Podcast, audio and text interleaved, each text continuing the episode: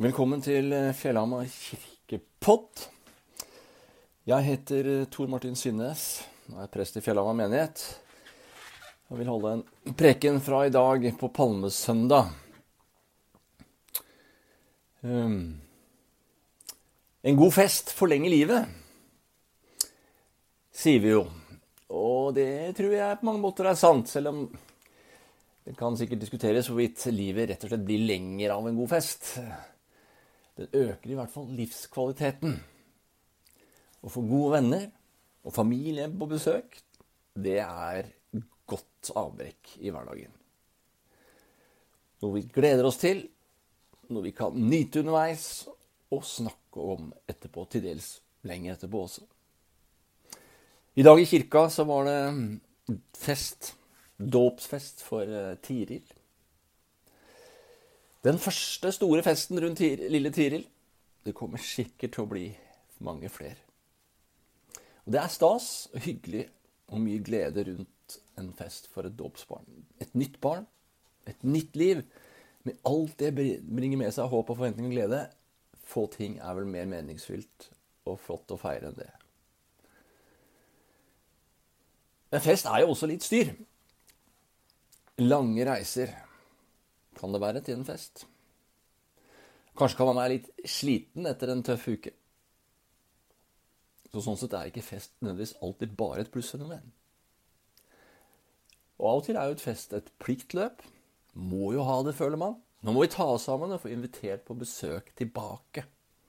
Og noen besøk kan jo bli rene eksamener, hvor vi føler vi må vise oss fram og glitre gjennom besøket vårt. Så jo, en god fest forlenger livet. Den kan også i tilfeller forsure det innimellom. Men vi trenger fester, det vil jeg si. Og at det kan være litt jobb med en fest også, litt slit, det er som regel verdt det, og vel så det. I dag skal vi høre om noen som laget til fest.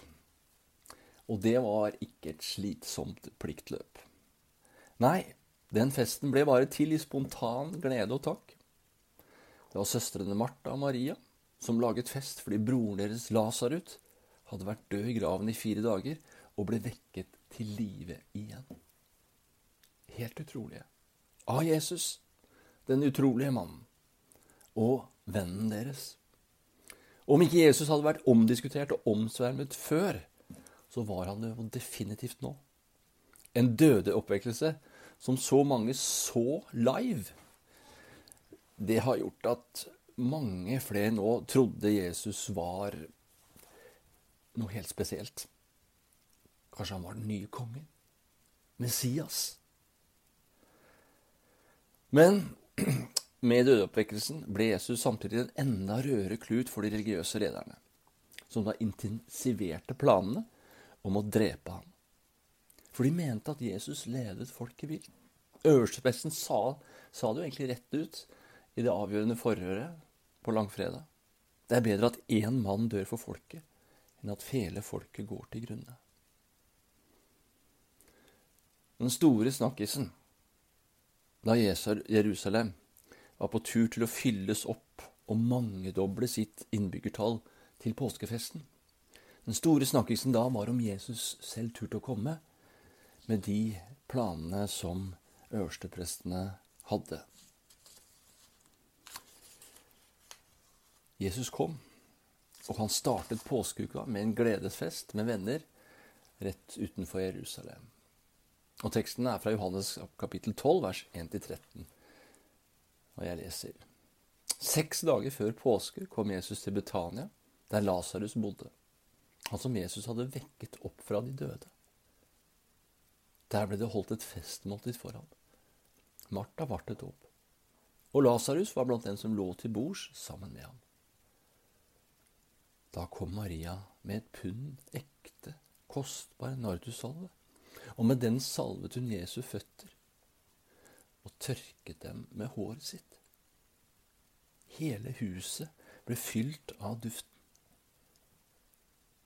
Da sa Judas Iskariot, en av disiplene, han som siden forrådte ham, Hvorfor ble ikke denne salven solgt for 300 denarer og pengene gitt til de fattige?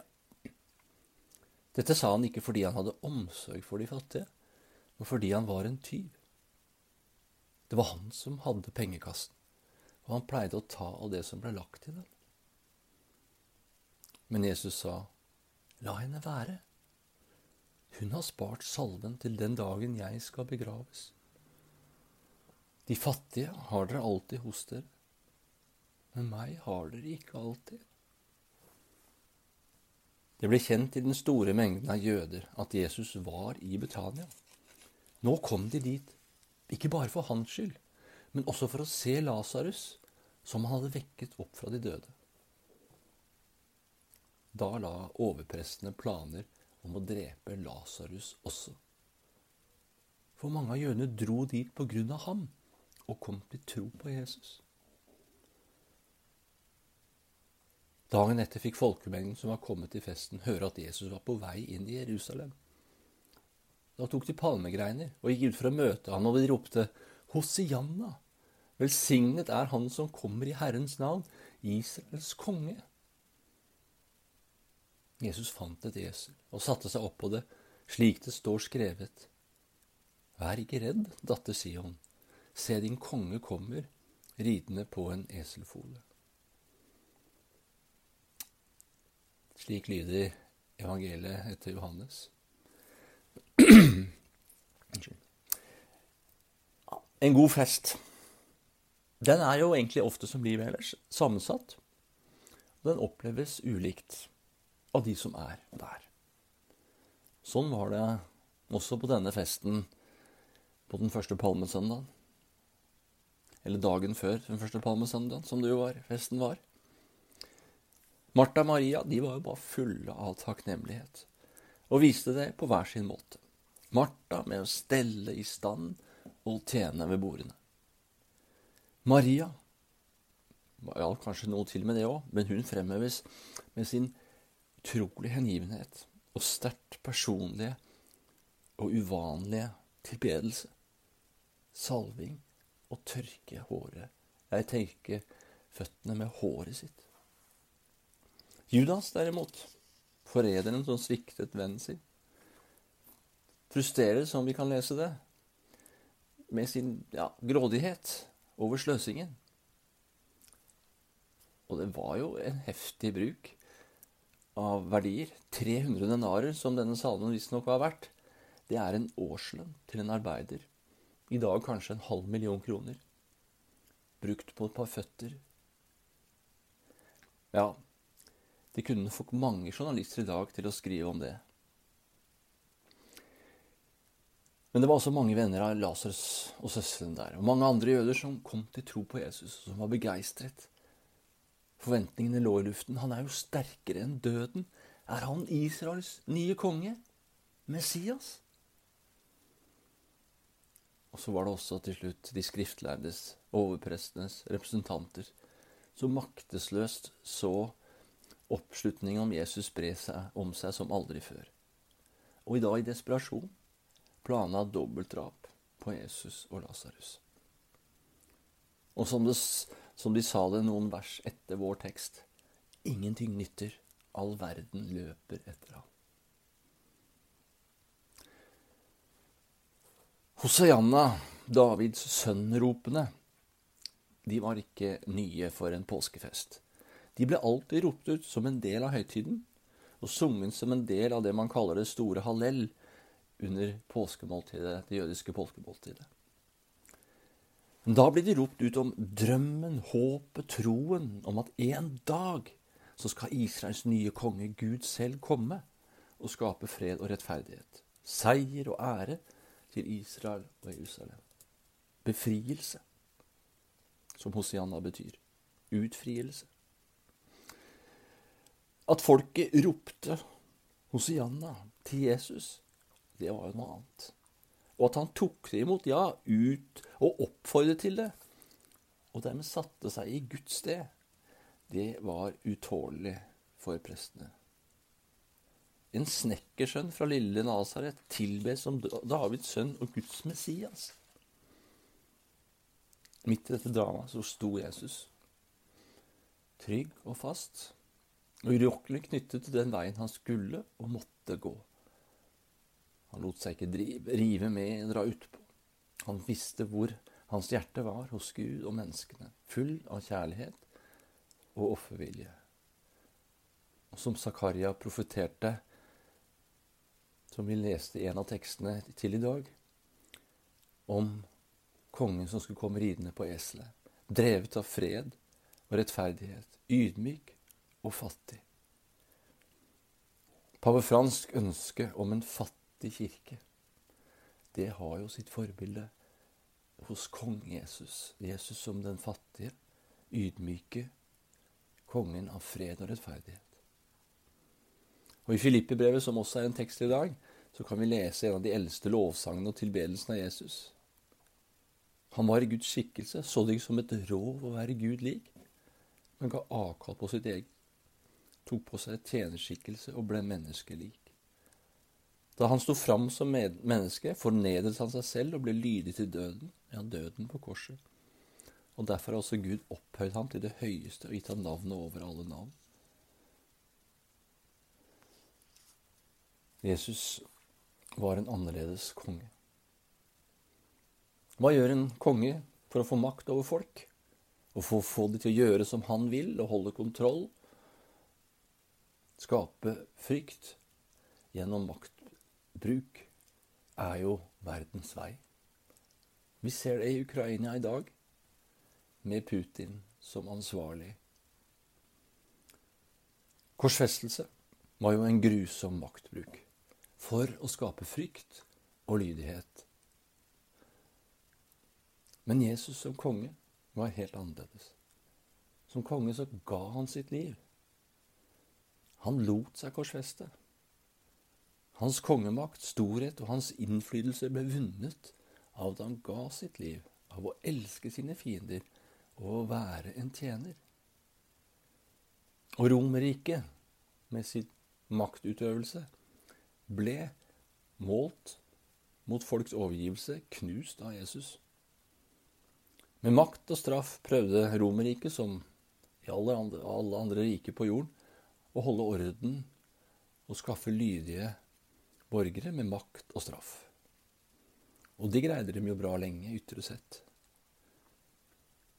De første kristne etterfølgere av Jesus ga, seg, ga selv sine liv for troen, de, den tro som de ikke fikk lov å ha, og gjerne syngende lovsanger når løvene kom og tok det.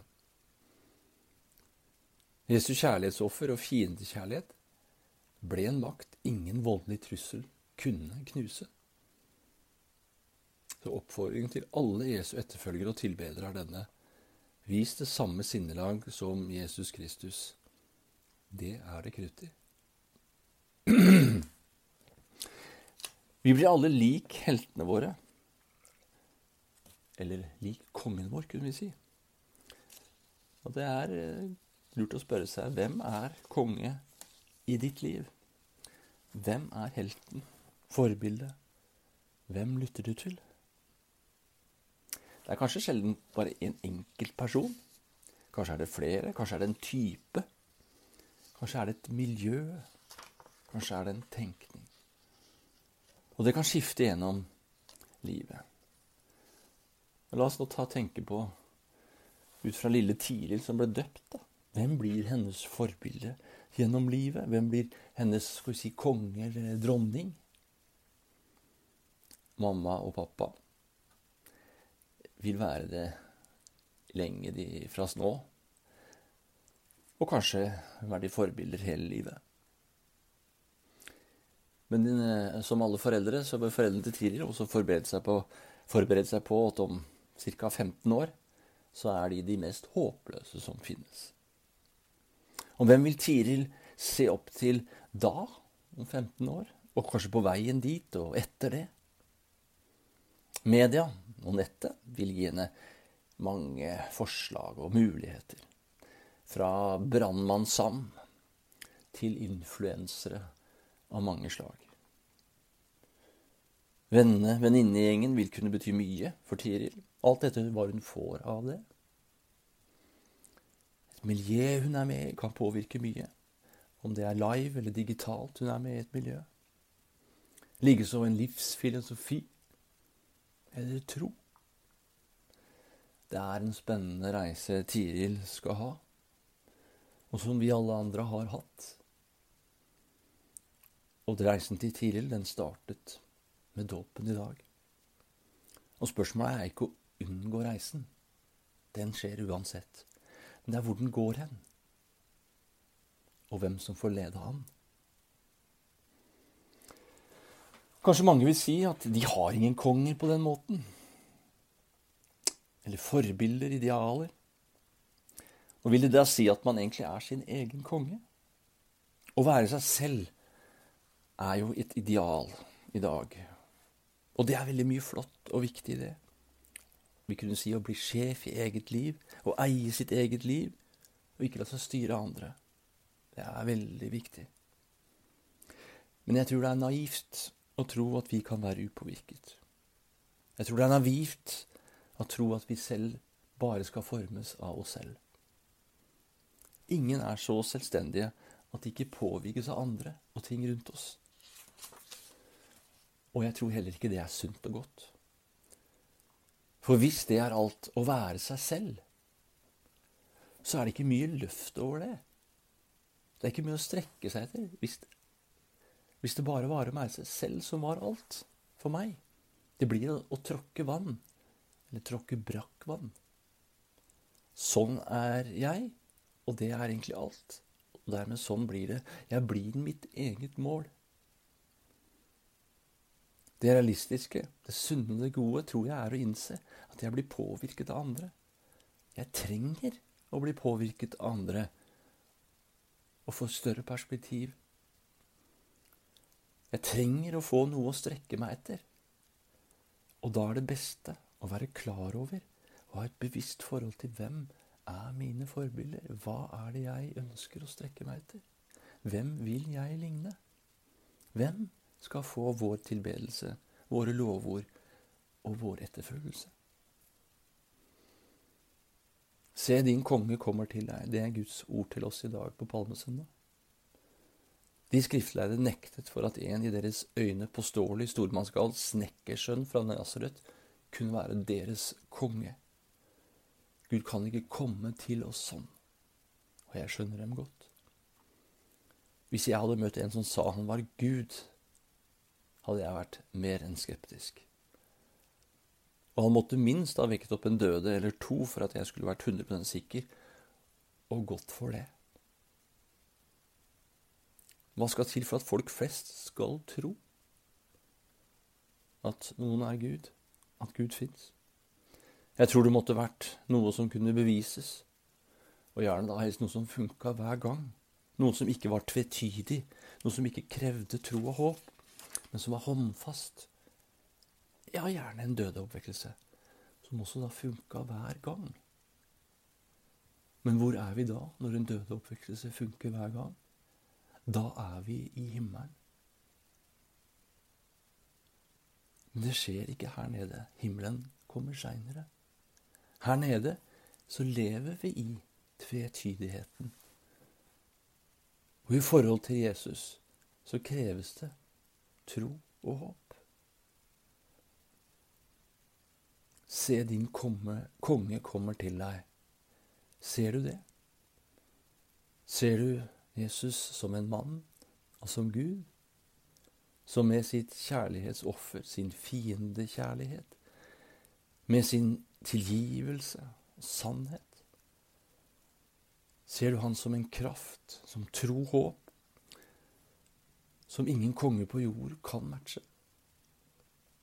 Ser du at han er en fredselskende og rettferdig mann og frelser? Så hun utøver sin innflytelse gjennom å tjene andre. Ser du at du, du kan komme til ham sånn som du er? Med tvil, med vekslende lunkenhet, uro og mange spørsmål. Se, din konge kommer til deg. Tar du ham imot, om enn også med en undrende tro? Vil du prøve å se han som din konge? Nattverden er et godt sted å begynne. Jeg hadde kreft, leukemi, for tolv år siden. Ville valget mitt med å ha Jesus som forbilde, som konge i livet mitt, ville troa håpet som jeg der hadde fått, holde i møte med livet og dødens alvor? Hver kveld før jeg sovnet når jeg lå inne en måneds tid på sjukehuset, så sang jeg i tro og håp salmen I dine hender, Fader, bli. Den synger jeg fortsatt. Og her kan du få høre teksten. I dine hender, Fader, bli. Jeg legger nå til evig tid min sjel og hva jeg er og har, ta du det alt i ditt forvar. Se sjel og liv ditt eie er, det er min trøst, o Herre kjær. Hva ditt er, hegner du omkring, så frykter jeg for ingenting. I deg jeg har den gode del, ditt ord er føde for min sjel. Til hjelp i all min fattigdom, du kommer som du alltid kom. Det er min tro, o Fader, bli, i den jeg lever all min tid. Ifra ditt barn du aldri vik, så jeg kan arve himmelrik. Amen. Ta imot velsignelsen. Herren velsigne deg og bevare deg. Herre, la sitt ansikt lyse over deg og være deg nådig. Herre, løfte sitt åsyn på deg og gi deg fred. Amen.